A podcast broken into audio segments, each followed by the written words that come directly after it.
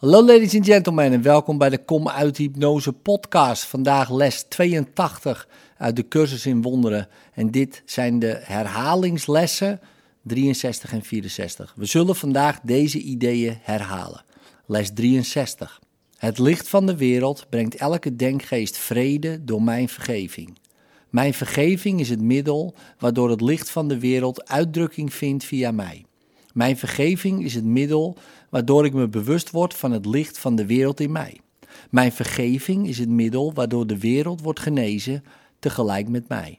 Laat me dan de wereld vergeven, opdat ze mag worden genezen samen met mij.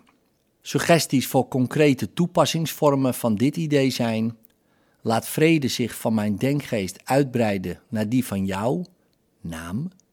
Ik deel het licht van de wereld met jou, naam. Dankzij mijn vergeving kan ik dit zien zoals het is. Les 64. Laat me mijn functie niet vergeten. Ik wil mijn functie niet vergeten, want ik wil me mijzelf herinneren. Ik kan mijn functie niet vervullen als ik die vergeet. En tenzij ik mijn functie vervul, zal ik niet de vreugde ervaren die God mij heeft toebedacht. Geschikte specifieke vormen van dit idee zijn onder andere: laat ik dit niet gebruiken om mijn functie voor mezelf te verbergen. Ik wil dit aangrijpen als een kans om mijn functie te vervullen.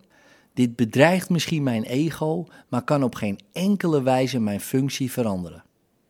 In liefde, tot morgen.